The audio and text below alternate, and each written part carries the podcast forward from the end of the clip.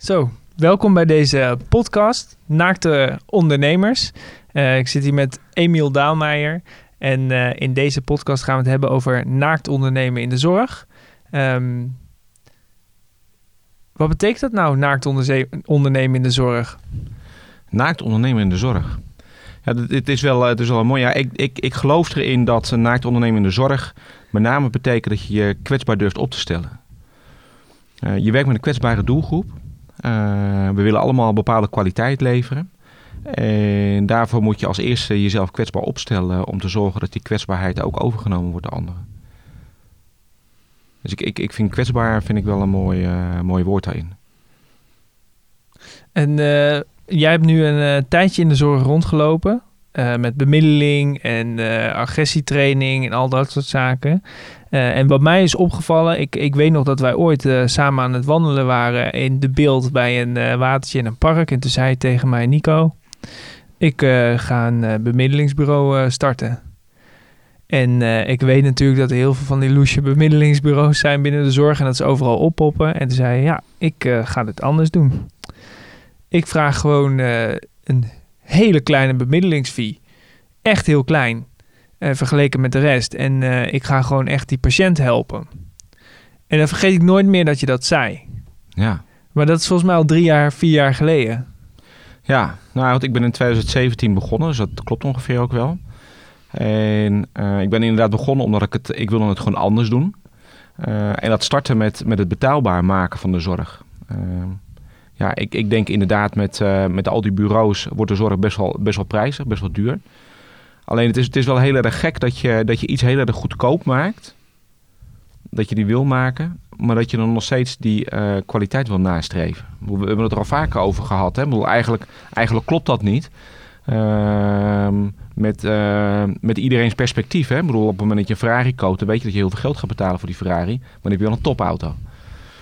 En dat is met zorg natuurlijk net zo. Op het moment dat je de beste van de beste begeleiders wil, wil hebben en die wil je inhuren ja, dan moet je in de portemonnee uh, duiken, denkt iedereen. Ja, de vraag is of dat inderdaad zo is. Ja, het zit ook diep in de cultuur. Hè? Ik bedoel dat uh, in de supermarkten, die zijn er helemaal op geënt om dat gedrag zo te maken dat, dat mensen denken, oh, ik neem die, die is net iets duurder, maar dan is die waarschijnlijk wel beter. Of wil ik juist nu de goedkoopste kiezen? Dus de hele maatschappij is ook een beetje ingericht op die prijsperceptie. Dus dat ik ook tegen jou heb gezegd van ja, ik vind het heel moreel mooi wat je gaat doen, maar ik zie nog wel wat beren op de weg. Of mensen wel echt snappen dat het kan uh, een betere prijs aanbieden en betere kwaliteit.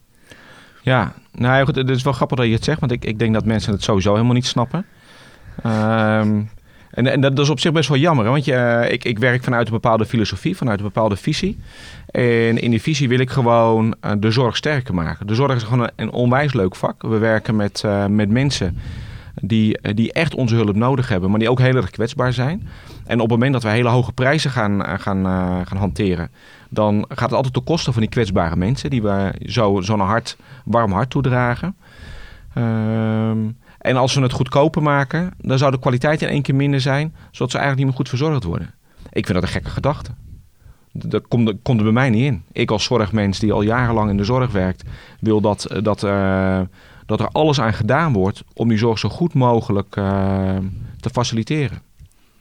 En dat kan alleen op het moment dat je daar ook een balans in, in gaat vinden in, uh, in, in een stukje prijs. En ik denk dat het kan. Nou ja, ik denk het niet. Ik heb het uh, tot nu toe laten zien dat het kan. Ja, en is dat dan ook iets wat, wat jouw klanten dan ook begrijpen? Of, Nee, nou goed, het is heel erg lastig uit te leggen. Want uiteindelijk wil iedereen wel kwaliteit hebben, maar iedereen wil ook voor een dubbeltje op de eerste op de rij zitten. En ik, toevallig heb ik vorige week nog een gesprek gehad met, uh, met een klant. En die uh, zegt tegen mij van... Emiel, uh, wij willen een periodieke opdracht bij jou wegzetten. Maar daar willen we er niet voor betalen wat we er nu voor betalen. Eigenlijk willen we die 3,5 euro die je nu verrekent... willen we niet dat je dat per uur doet, maar per dag. Nou goed, weet je, dan, dan, dan, dan breekt mijn klom. Dan heb je het niet goed begrepen. Al mijn concurrenten... die zitten op, op tussen de 10 en de 15 euro per uur. Er zijn er een paar die iets lager zitten. Maar ze zitten sowieso standaard altijd op 200% met datgene wat ik vraag. En dan ga je tegen mij zeggen dat ik minder moet gaan vragen. Ik bedoel, waarom zou iemand 7 euro per uur vragen? Omdat hij bepaalde kosten heeft, uh, andere dingen heeft wat hij, wat, wat hij moet doen, er ook nog iets aan over willen houden. Ik denk dat je met 7 euro niet eens eh, een, een, gigantische bankrekening overhoudt. Natuurlijk, met die, als je 15 euro vraagt, dan, uh, dan kun je inderdaad vanuit Curaçao gaan werken. En, en dat, dat gebeurt ook.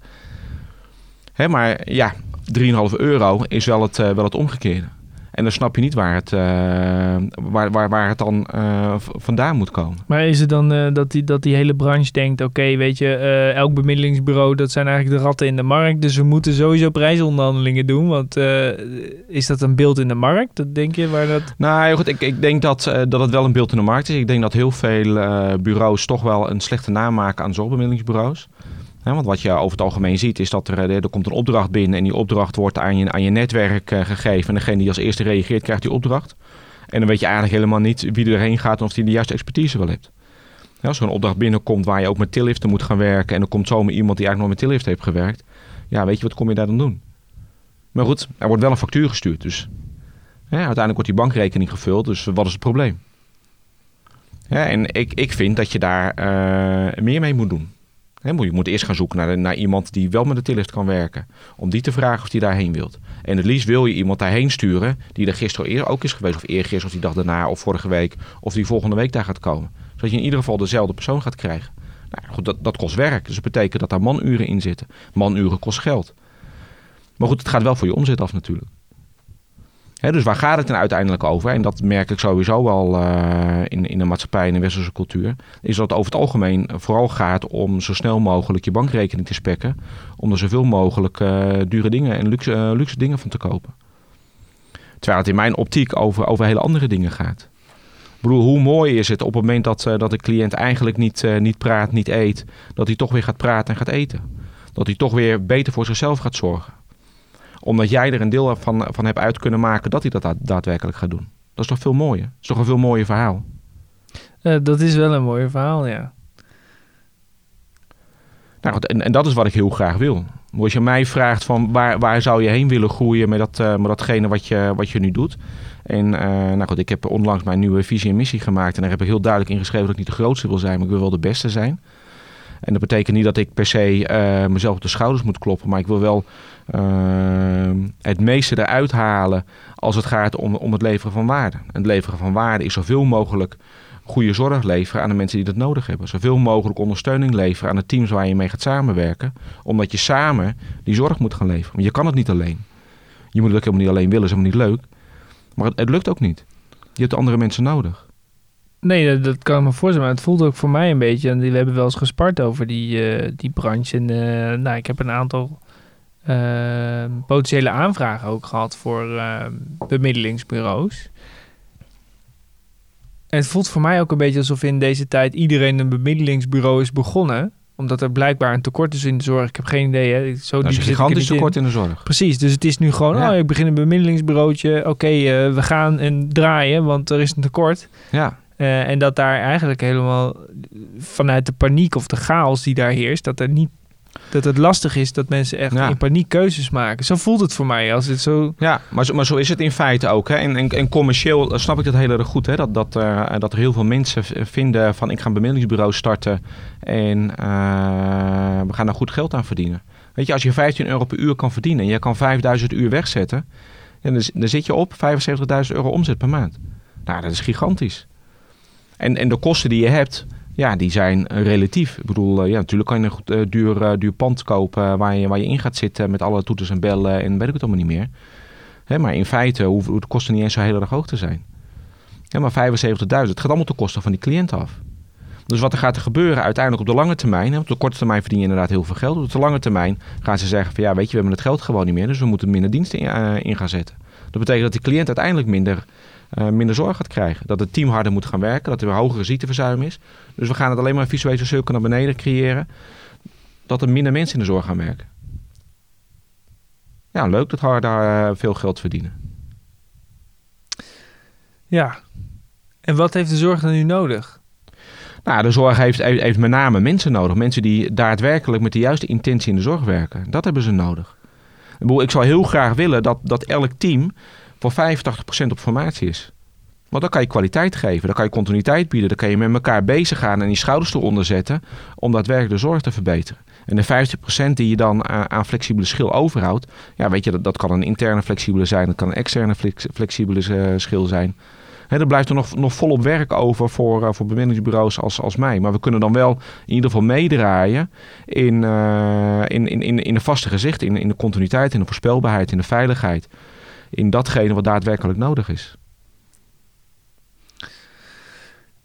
Ja, ik kan me voorstellen dat als die. Uh, als er zeg maar een bepaalde bezetting is en dat mensen, dat bemiddelingsbureaus ook meer zouden samenwerken en met personeel zouden samenwerken, dat daar uh, dat er in ieder geval een wat meer continuïteit komt in de zorg. Nou, ik, ik denk ook dat, uh, dat zorgaanbieders ehm, ehm, ook wel wat meer mogen samenwerken met bemiddelingsbureaus zoals, zoals wij. Maar is het dan zo dat het marktprincipe, zeg maar, waar we in leven, van hey, eh, er is schaarste, dus iets is veel waard. En uh, nou ja, blijkbaar is er dus een gat in de markt, want er is een chronisch tekort in de zorg. Laten we dan flink bemiddelingskosten neerzetten. Nou, iedereen gaat die, iedereen, uh, ik kan me zo voorstellen dat dan al het personeel zegt, nou weet je, wij gaan freelancen. Ja. Maar dat betekent dat het probleem alleen maar groter wordt. Ja, dat is ook zo. Um, maar dat, dat is ook wat je, wat je ziet. Hè? Ik bedoel, je ziet nu ook dat, uh, dat heel veel mensen die in loondienst zijn uh, naar de ZZP'ers kijken en daar zien dat het gras is. En ervoor kiezen om te gaan ZZP'en, te gaan ondernemen, omdat ze daar meer geld mee kunnen verdienen. Als ik dan aan hun vraag van maar waarom ga je dan ondernemen, dan hebben ze wel een leuk verhaal. Hè? Dan hebben ze het over regie over eigen tijd en, en dat soort dingen. En dat klopt ook wel. Hè? Ik bedoel, je hebt ook wel meer regie over eigen tijd. Uh, maar uiteindelijk voelt niemand dat zo. Want op het moment dat er een dienst binnenkomt, zijn ze de eerste die uh, die, die dienst pakken. Dat zijn, dat zijn die mensen. Omdat ze bang zijn dat ze anders tekort komen en achter het net vissen.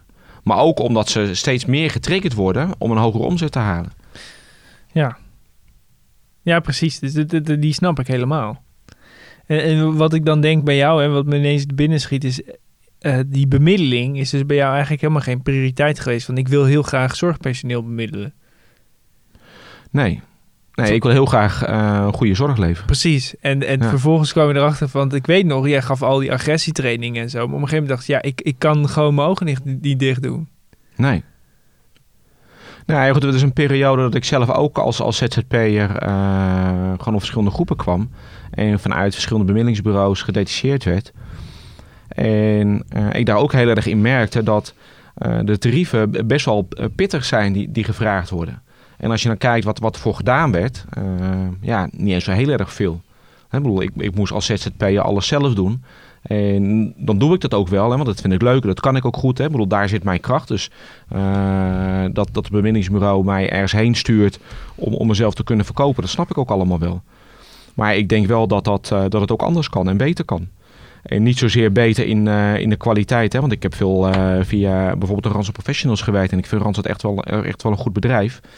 Het is ook wel een heel groot bedrijf. Dus het heeft ook een gigantische overheid. Dus die moet ook bepaalde omzetten gaan draaien om te zorgen dat, uh, dat de kosten in de hand uh, gehouden worden. En nog steeds winst kunnen draaien. Ik als, als, als kleine uh, bureau hoef dat helemaal niet. Ik, ik probeer sowieso mijn kosten laag te houden. Ik probeer zoveel mogelijk vanuit leverage te werken. Zodat de omzet wel groot wordt. Zodat ik er van daaruit weer mijn investeringen kan doen maar als je dat vergelijkt met een, uh, met een bureau wat 15 euro per, uh, per uur vraagt en je gaat 5000 uh, eh, uren wegzetten per maand en je hebt een omzet van 75.000 en ik, ik heb dan een, een, een verdienmodel van 4 euro, ik vraag 3,5 naar de klant en 50 cent naar de ZZP'er. Dan heb ik een omzet van 20.000, is aanzienlijk lager. Maar ik kan daar al mijn kosten voor betalen. Ik kan een goed loon aan mezelf betalen, want ik verdien beter dan als ik in de zorg zelf had gewerkt. Uh, en ik kan ook nog eens uh, groepsvakanties organiseren waar ik vrijwillig in meega en waar ik ook nog eens geld in sponsor. Dus hoe vet is dat? Ja, dat is ook vet. En ik ben ook uh, wel eens meegeweest naar de locatie waar je die groepsvakanties doet. Ja. En ik heb dat inderdaad bij meegemaakt. En er zit wel heel veel uh, liefdewerk in, in, in hoe je dat doet. Dus dat, dat vind ik altijd wel heel bewonderend. Alleen wat ik me wel eens afvraag, Emiel, is hoe hou je dit zeg maar nou overeind? Want in de zin dat uh, ik kan me voorstellen dat het thuis veel stress kost. Want het, het, is ook niet de gebaande paden en de financiële paden te lopen. betekent dat je minder reserves opbouwt dan wanneer je dat wel zou doen. He, want als anderen drie keer zoveel vragen, er zit ergens in die marge zit er iets van creativiteit die je dan aan de achterkant moet gaan oplossen. Om of dingen slimmer in te richten of met meer passie dingen te doen. Dus dat vergt ook best wel veel van jouw omgeving, kan ik me zo voorstellen. Dat is mijn logische redenatie. Het hoeft niet waar te zijn, maar... Ja. Nou goed, weet je, ik, ik, ik, heb, uh, ik, heb, ik heb sowieso mazzel met de mensen die in, in mijn team zitten. Dus laat, laat dat uh, voorop uh, staan. ik ben met een planner gaan samenwerken, wat toevallig ook een goede vriendin van me is, die gewoon meer doet dan ze moet doen. Die zodanig betrokkenheid voelt voor het bedrijf, dat, dat ze haar verantwoordelijkheid ook, ook neemt. En dat, dat scheelt mij natuurlijk heel veel in het, in het werk wat ik, wat ik doe. Ja, nou goed, ik, ik ben elke dag ben ik bereikbaar. Van kwart over zes s ochtends tot kwart over elf s avonds. Dus ook in elk moment van de dag kan ik gebeld worden. Dat, dat levert een bepaalde stress op. Uh, sowieso in mijn gezin. Hè. Bedoel, op het moment dat ik mijn wekker zet om kwart over zes en mijn telefoon gaat af, ja, dan wordt mijn vrouw ook wakker. Op het moment dat we ergens aan het eten zijn, uh, dan heb ik mijn laptop bij me voor het geval ik gebeld word. Bedoel, ja, die dingen horen er nou eenmaal bij.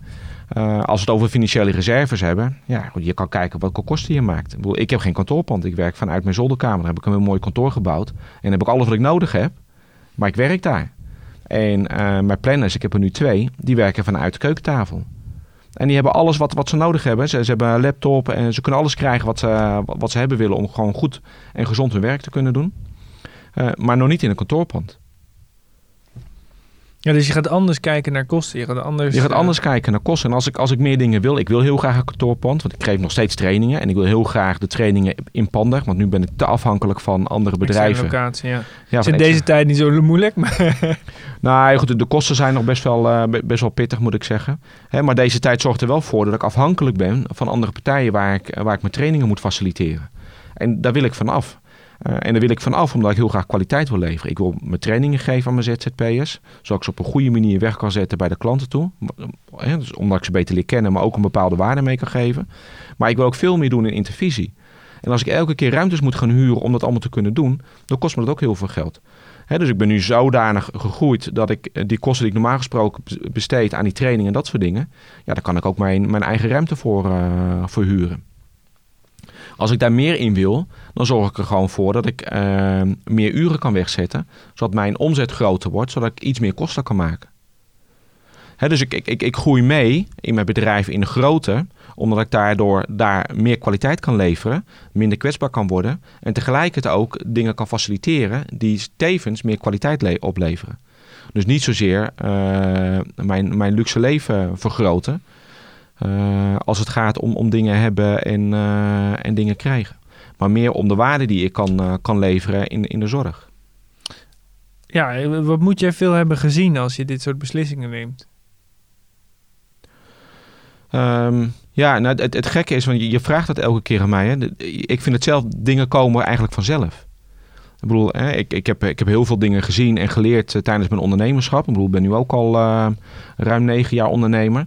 En daar, daar leer je echt wel wat in. Uh, je moet ook heel veel dingen leren.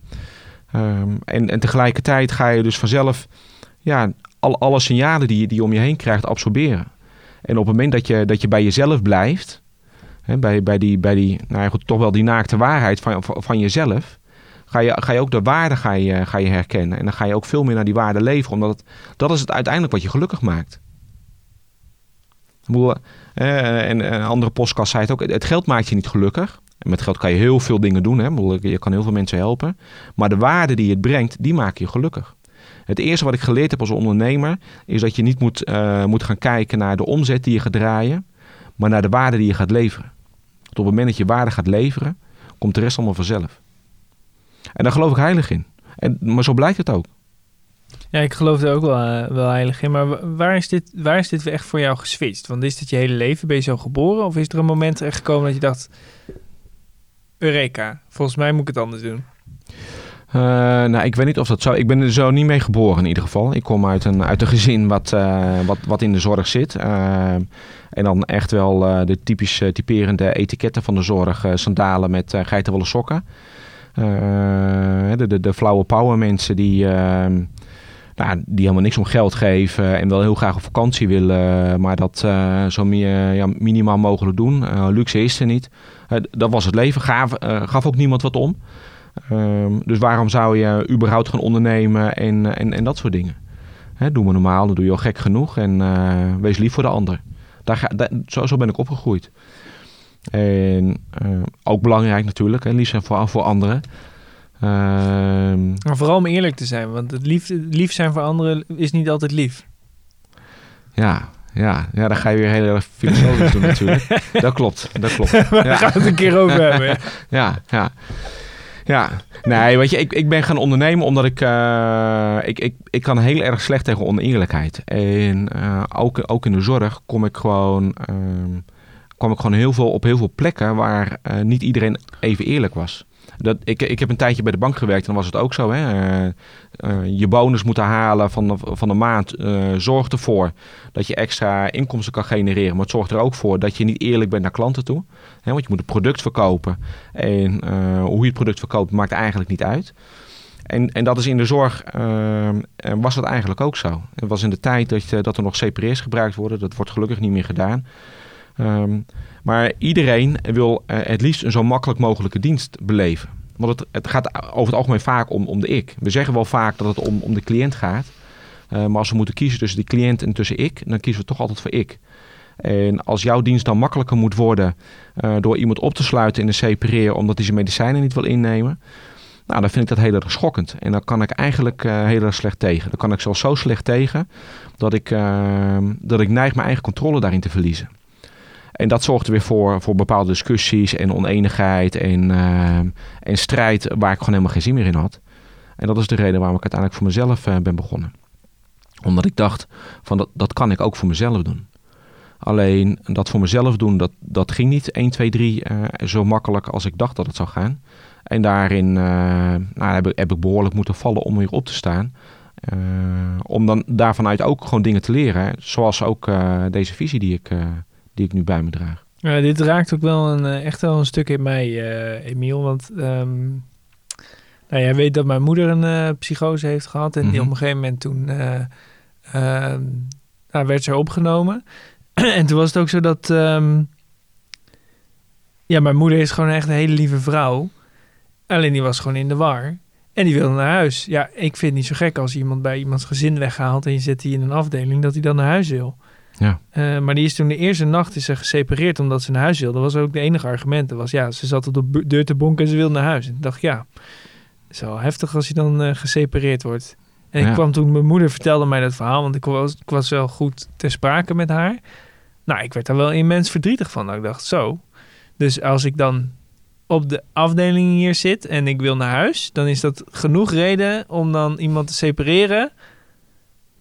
En toen dacht ik, wow, dit Ja. ik, ja, ik was daar echt wel, ik was woedend, want ik had op dat moment ook geen beslissingsbevoegdheid meer over mijn moeder, want die, had je, die moet je afgeven. Maar je ziet dan pas wat er echt gebeurt. Ja. Nou, dat heeft me wel, ehm, ja, ik weet, ik heb er eigenlijk geen woorden voor wat het met me heeft gedaan. Ja. Ja. Ja, dit is, dit is, eh, dit is triest en eh, ook wel heel erg oneerlijk. En ik, ik, kan daar, ik kan er enorm slecht tegen. Het, hè, gelukkig gebeuren dit, dit soort dingen niet meer op, eh, op, op die manier. Eh, en daar moet ik een kanttekening bij zeggen. Want ik, ik geloof nog steeds echt dat mensen kiezen om, eh, om zichzelf makkelijker te maken. Ogenschijnlijk makkelijker te maken, zeg ik altijd. Hè, dus ook al gebruiken minder CPR'ers... Eh, en willen we die ook niet gebruiken en willen we geen vrijheidsbeperkende maatregelen gebruiken.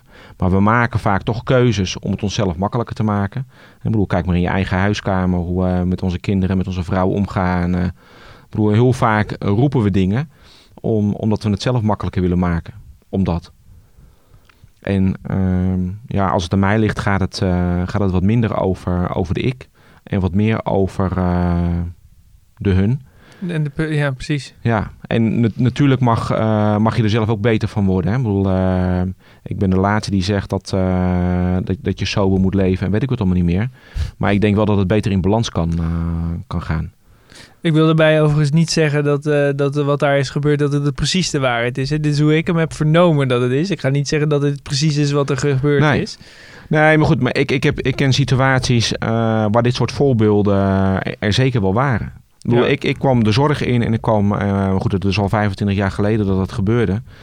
Of Misschien nog wel iets langer zelfs. En daar kwam ik op, eh, voor, voor het eerst een aanmerking met, eh, met een groep die betiteld werd als, als moeilijk verstaanbare mensen. En op het moment dat dan wat gebeurde, dan stormden er tien mensen op af en ging letterlijk het gevecht aan. En dan werd hij in de CPR gegooid, letterlijk gegooid, en dan bleef hij gewoon de dag zitten. Klaar.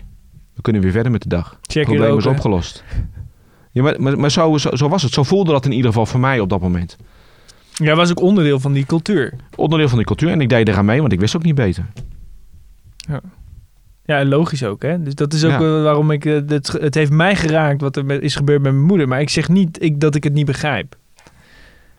Ik vind het onvoorstelbaar, maar het is niet dat ik het niet begrijp. Ja.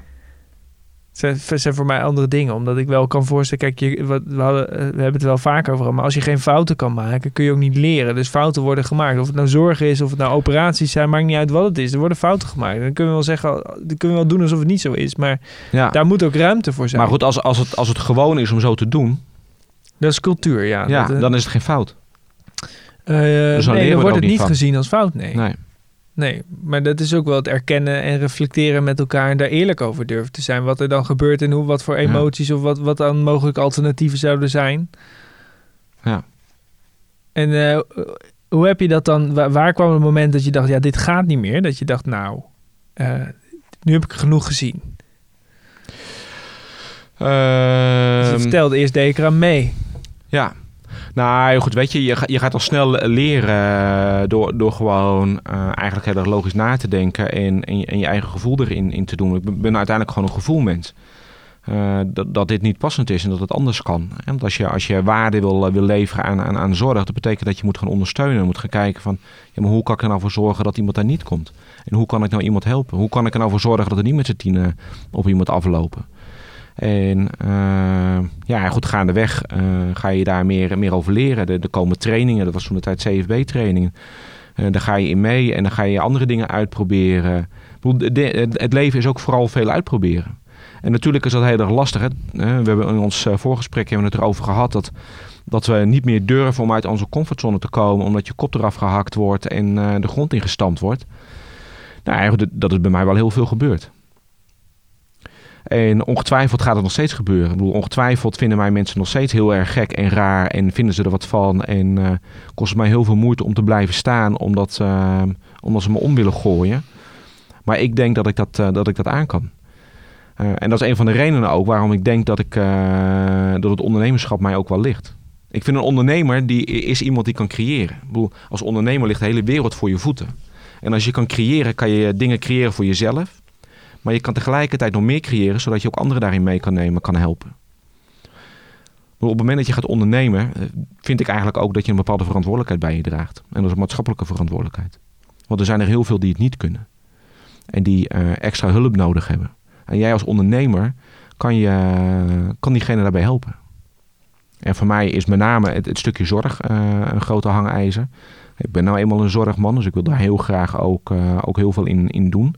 En ik vind het belangrijk dat, dat, dat mensen die afhankelijk zijn van zorg, eh, ook gewoon de geneugten van het leven leren kennen. Hè, wat voor ons gewoon is om drie keer per jaar op vakantie te gaan, is voor iemand die zorg nodig heeft, is helemaal niet zo gewoon. Laat staan een hele week in Turkije. Ik bedoel, hoe vet is het dat je kan, eh, eh, je, ehm, je, je kan, kan ehm, toeleven naar, naar het moment dat je op vakantie gaat. En dat je zo'n vakantie gewoon een, eh, een ultieme climax beleeft van, van vrijheid. ehm, ehm, en al die andere dingen die met een vakantie te komen. En daarna nog een half jaar lang ervan kan nagenieten. Ja. En verhalen kan vertellen. En vervolgens begint het weer helemaal opnieuw.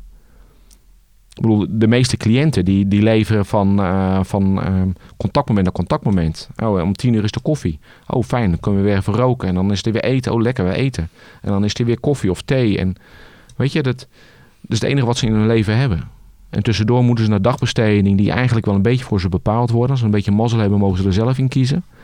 Maar dat is de waarde van hun leven. En wij balen al als we geen drie keer, maar twee keer met je per jaar op vakantie kunnen. Eh, ja.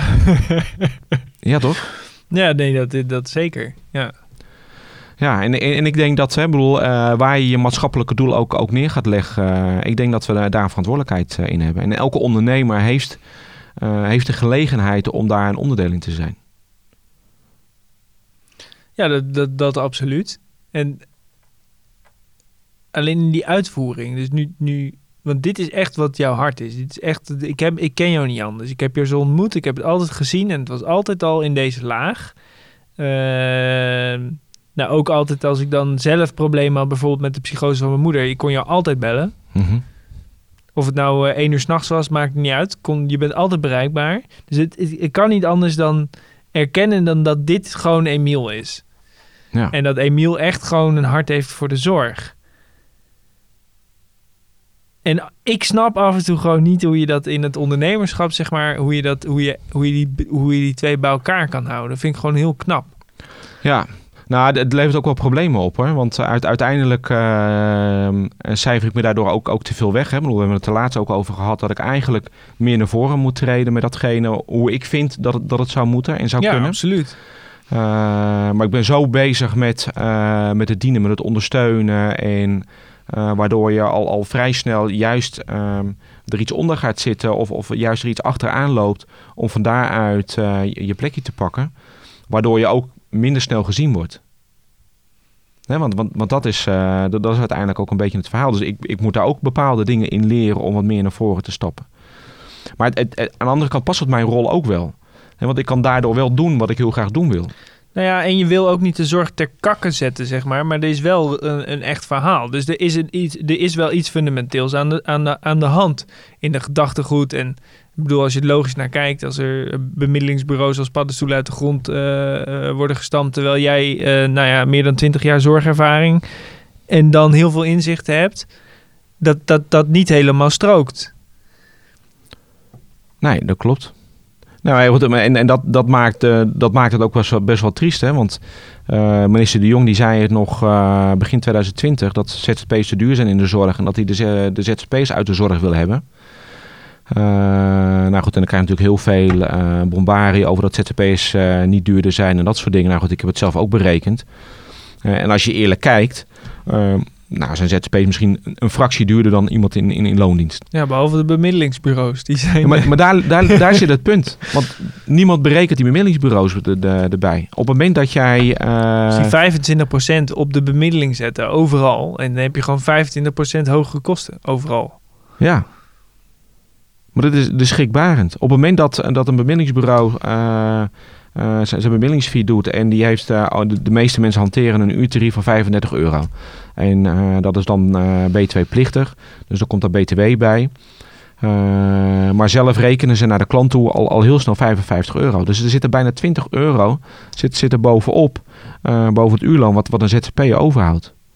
Nou, dat vind ik, vind ik schrikbarend. Vind ik ook helemaal niet ver naar, naar de cliënt toe. Het valt niet te, te verkopen.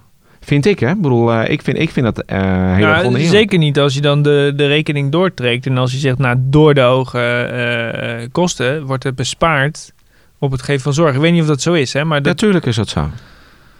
Diensten worden korter, sommige diensten vallen, vallen weg. Dan doen we het maar met een mannetje minder. Team moet harder werken. Loopt erg op zijn tenen, wordt weer ziek. Ja. Weet je, die visuele cirkel gaat, gaat, door. Hè? Ik bedoel, degene die, die het wel kunnen dragen, worden uiteindelijk ZZP'er. Want dan kan ik net zo goed ZZP'er worden.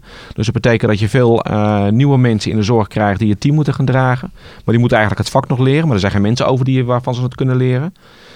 Dus ja, de kwaliteit van zorg gaat, gaat, gaat standaard gaat op een gegeven moment naar beneden toe. En we moeten juist zorgen dat we dat met elkaar op gaan tillen. Ik bedoel, waarom ga je niet ZZP'ers inhuren en die zet je periodiek in? En weet je, er hoeven voor de rest helemaal geen, geen overeenkomsten te zijn voor, voor een bepaalde periode of wat dan ook. Op het moment dat je een nieuwe, een nieuwe kandidaat hebt die kan invloeien, nou, dan wordt een ZZP'er wordt er weer uitgefaseerd. Ik kunnen we mandeling kunnen we dat eh, met elkaar afspreken.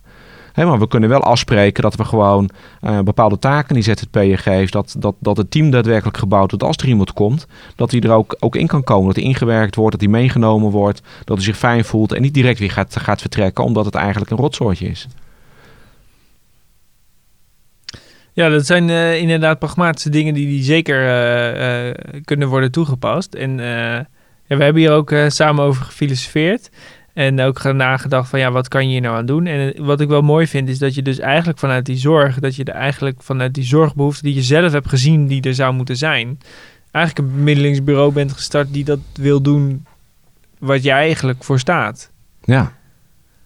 Nou, ik ben ook blij dat het zo uitpakt. En ik hoop eigenlijk gewoon dat er meer zorgorganisaties zijn die dat gesprek aan willen gaan. Die zeggen, hey, weet je Emiel, ik zou je wel eens over willen praten. Want hoe zie jij dat? Hoe heb je dat ervaren? Eh, ik weet niet of, of eh, ja, dat zij ook zeg maar, het gesprek met jou aan kunnen gaan over hun eigen ervaringen daarover. En dat dat gesprek geopend mag worden. Nou, dat, hoop ik. Ik sta ervoor open. Je zegt het alsof het niet eh, vaak gebeurt. Nou, dat gebeurt helemaal niet. Ik bedoel, ze, roepen mij op het moment dat, dat, dat er een probleem komt en dan mag ik een probleem oplossen. En dat, dat probeer ik zo goed mogelijk in te vullen. Maar het gesprek is er niet. Hè, we, we hebben COVID vanaf, eh, vanaf maart en eh, alles gaat op slot. Ehm, maar je, je wordt er niet in meegenomen. En dat klopt ook. Hè? Ik bedoel, eh, ze hebben personeel over, dus die, die zetten ze op andere, andere plekken in. Dus ze hebben ook geen externe, externe mensen nodig. Maar je weet op dat moment dat, eh, dat het niet eh, oneindig op deze manier kan. Dus er komt een moment dat je de mensen wel nodig hebt. Maar hoe wil je dat dan in gaan zetten met alle risico's die er zijn? ZZP'ers werken overal en nergens, dus het is een groot risico. Dus eigenlijk wil je maar geen, geen ZZP'ers inzetten. Maar je kan niet anders. Hoe ga je dat dan faciliteren? Hoe ga je nou zorgen dat het risico die er is eigenlijk geen risico meer is? En dat je toch kwaliteit van zorg kan gaan leveren. Ja. Zonder dat je een onderbezetting hebt. Ja, dat zijn lastige gesprekken, ja. Nou, dat zijn lastige gesprekken, maar die gesprekken worden niet gevoerd. Daarom denk ik ook dat ze daarna hebben ze meer geld uit moeten geven aan, aan extern personeel dan misschien wel nodig is geweest. Omdat er meer mensen ziek zijn geworden. En, eh, Ja, ja. Ja, dus het, is, het zou fijn zijn als iemand nu zegt... nou, ik ga het gesprek aan en ik ga daar wel wat mee doen. ja, maar hoe mooi is het dat je hulp kan, kan inroepen om met elkaar te zorgen dat, dat, dat het team wel eh, volledig eh, inzetbaar is zonder dat je ZZP'ers hebt. Nee, maar dat je in ieder geval in eerste instantie iets, iets, iets goeds en stevigs neer kan zetten, zodat de cliënten goed geholpen worden, waardoor het makkelijker en leuker is om in dat team te komen werken. Wat zijn nu de grootste uitdagingen in de zorg op dit vlak, op bemiddeling? Wat zijn nou echt de grootste uitdagingen waarvan jij zegt... nou, daar moeten we met z'n allen wat aan doen? Ehm, nou, eh, volgens mij is de grootste uitdaging ehm, eh, consequent gewoon ehm, je, je, je visie nastreven.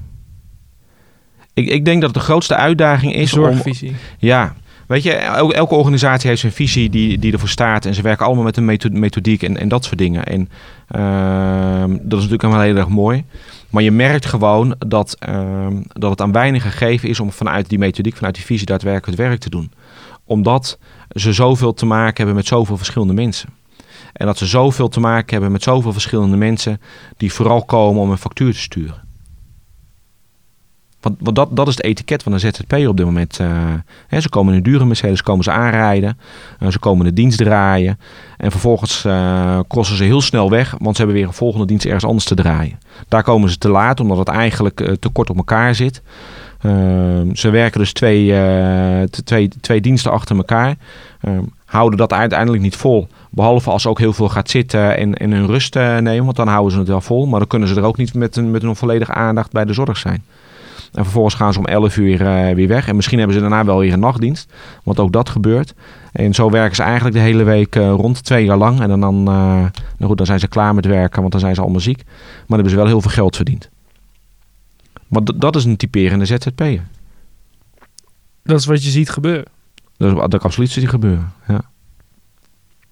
Je kan me wel voorstellen dat de kwaliteit van zorg ja, be- beïnvloedt. Nou ja, behoorlijk. Ja. Ja.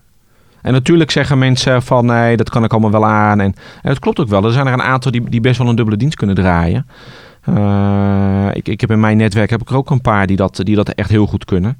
Maar het zijn er echt maar een paar die dat werkelijk kunnen. En de vraag is of je dat, of je dat moet willen. Wil je altijd dat mensen dubbele diensten gaan draaien? Ja, en dat is ook weer het gesprek aangaan en zeggen... hé, hey, ik zie dat je dubbele Ja. diensten draait. Volgens Ja. mij is dit niet zo handig. Maar het, het, het gesprek gaat eigenlijk om de intentie waarom je dit doet. Want daar gaat het om. Ja, met, wel, met welk doel doe je dit? Waarom ben je in de zorg gaan werken? Maar waarom doe je dat als ZZP'er? Ja, dit komt een beetje in mijn hoofd, komt een, eh, een gedachte op en dat is een term, eh, wie zorgt er voor de zorgprofessional? Ja. Want eh, ja, die blijkbaar, die heeft dus ook, want ja, op een gegeven moment is het ook lastig om te zeggen, ik ga deze dienst weigeren, want dan is niemand die de dienst oppakt. Ja. Is dat een beetje de rol die jij voor jezelf eh, hebt ingenomen, dat je denkt, ik zorg voor de zorgprofessional? Nou, ik, ik, doe er, ik, doe er, ik doe er heel veel voor. Tenminste, dat, dat, dat vind ik zelf. Uh, zeker vergeleken met, uh, met, met, met, de concurrenten. Ik, ik vind namelijk dat de meeste ZZP'ers in de zorg eigenlijk geen ondernemers zijn. Alle ZZP'ers zitten in hun hoofd nog als, als werknemer. En die zijn alleen maar ZZP'er om een uren te draaien. Ja. En. Ik geef regelmatig ondernemerstrainingen aan mijn ZZP'ers. voor degenen die willen komen. En goed, op zich heb ik vaak wel een, een groepje vol. En dan, dan, gaan we het dan gaan we het inderdaad hebben over, over, over de visie, de reden waarom je ZZP'er bent geworden. Wat maakt jou blij en waarvoor je wil je werken. En daarin gaan we vooral ook de dialoog aan. Stel je nou voor dat je, dat je in een kasteel zou willen wonen. Welke wegen zou je kunnen, kunnen nemen? Welke creatieve dingen zou je kunnen bedenken om in het kasteel te kunnen wonen? Dan zijn we het allemaal over geld. Staatsloterij winnen, hard werken, veel geld verdienen. Je kunt ook gewoon vrienden worden met degene die het kasteel heeft. Want waarschijnlijk heeft hij toch te veel kamers. Bijvoorbeeld. Er zijn, er zijn legio dingen te verzinnen om in een kasteel te wonen. VR-bril Onderhoud, uh, zorgen dat het in ieder geval bewoonbaar is, zodat je erop kan passen. je doet iets in groenvoorziening. Uh. Je kunt ze gek niet bedenken. Je kan in een kasteel wonen. Zonder dat het je überhaupt geld gaat kosten. Dat is dus de reden waarom ik zoveel mediteer. Ik zit de hele tijd in een kasteel. nee. Ja, ook een manier. Ja. nee, maar mooi, mooi wat je zegt. Dus eigenlijk het zorgen voor die zorgprofessional. Uh, daardoor uh, ook gewoon maximale diensten instellen van joh, dat gaat gewoon niet verder en dan gaan we kwaliteit leveren met elkaar. En dan, maar dan moet je wel breder dan alleen contra gaan praten, want anders ga je dat nooit uh, realiseren. Want dan gaat iemand anders ergens anders verder ZZP'en. Of, dus dit is wel een, een cultuurbreed of een maatschappij, maatschappelijk breed onderwerp. Waar ik denk van ja, dan moeten we met z'n nou, allen... Het is een maatschappelijk breed onderwerp. En, maar goed, zover reikt mijn spam of control natuurlijk niet. Hè. Mijn spam of control is datgene wat, wat binnen contra gebeurt. En dat is eigenlijk al veel te groot. dus ik, ik kan alleen maar mijn best doen om te zorgen dat ik mensen kan motiveren om als ondernemer te gedragen. Wat zijn ondernemers? Ik, ik kan het niet overnemen. Ik, ik kan in die zin ook niet voor ze zorgen. Maar ik kan wel dingen faciliteren. Ik kan uh, ze motiveren om daadwerkelijk een, een ondernemer te zijn. Ja. Ik ben in mijn, in mijn procedure met wie ik samen ga werken, uh, ben ik op zoek naar ondernemers. En niet naar ZZP'ers. En ze mogen wel als ZZP'er binnenkomen. Maar dan moet ik wel van overtuigd zijn dat ze van ZZP'er naar ondernemer kunnen worden. Ontwikkelen. Mooi. Nou, we hebben een hoop uh, meegemaakt deze podcast. Ik uh, ja, ben zelf wel geraakt van deze podcast. Dat ik eigenlijk wel denk van zo. Ik heb je altijd al mooie mensen gevonden, Emiel. En als ik dan zo aan tafel zit met jou, dan vind ik toch een hele bijzondere plek dat ik dit mag doen en dat ik die podcast mag maken. Want het brengt me ook weer terug naar dat ik want toen wij elkaar ontmoetten, toen had ik nog geen personeel volgens mij in die tijd, of één of twee stagiairs. Nee, helemaal niks. Helemaal niks, nee. nee. Dus zo lang gaan we al terug. En ik voel me ineens weer nietig. En weer die kleine Nico die daar stond en die jou ontmoette. En dacht, ja, ik ga Emiel helpen. Hoe ga ik dat doen? Oh, uh... En het brengt me ineens weer terug aan die periode. En eigenlijk hoe dankbaar ik mag zijn dat ik hier aan deze tafel mag zitten met jou op uh, zondagavond om een uh, podcast op te nemen. En ja, hoe mooi het eigenlijk is dat ik dit soort dingen mag doen. Ja, nou dankjewel. Nou goed, weet je, dit is wederzijds. Hè? Ik bedoel, uh, uh, uiteindelijk leren we van elkaar.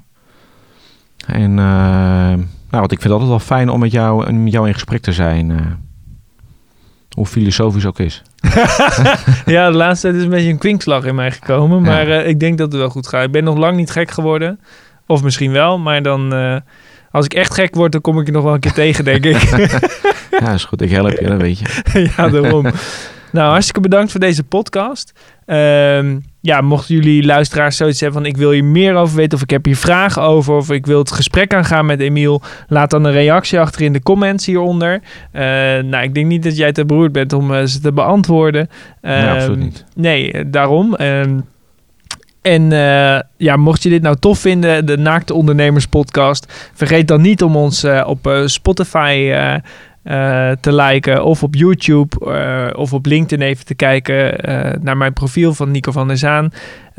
daar kun je me allemaal mee helpen, want ik wil eigenlijk nog meer ondernemers naakt zien. En ik weet niet of er ook echt naakte ondernemers gaan komen, maar ik zie het nog wel gebeuren.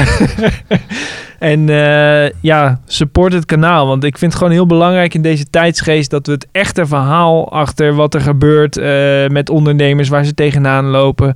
En dat het niet alleen maar makkelijk is, maar dat er ook uitdagingen zijn. En dat je gewoon daardoor een breder beeld krijgt van wat er nou eigenlijk gebeurt en welke handelingsperspectieven je hebt.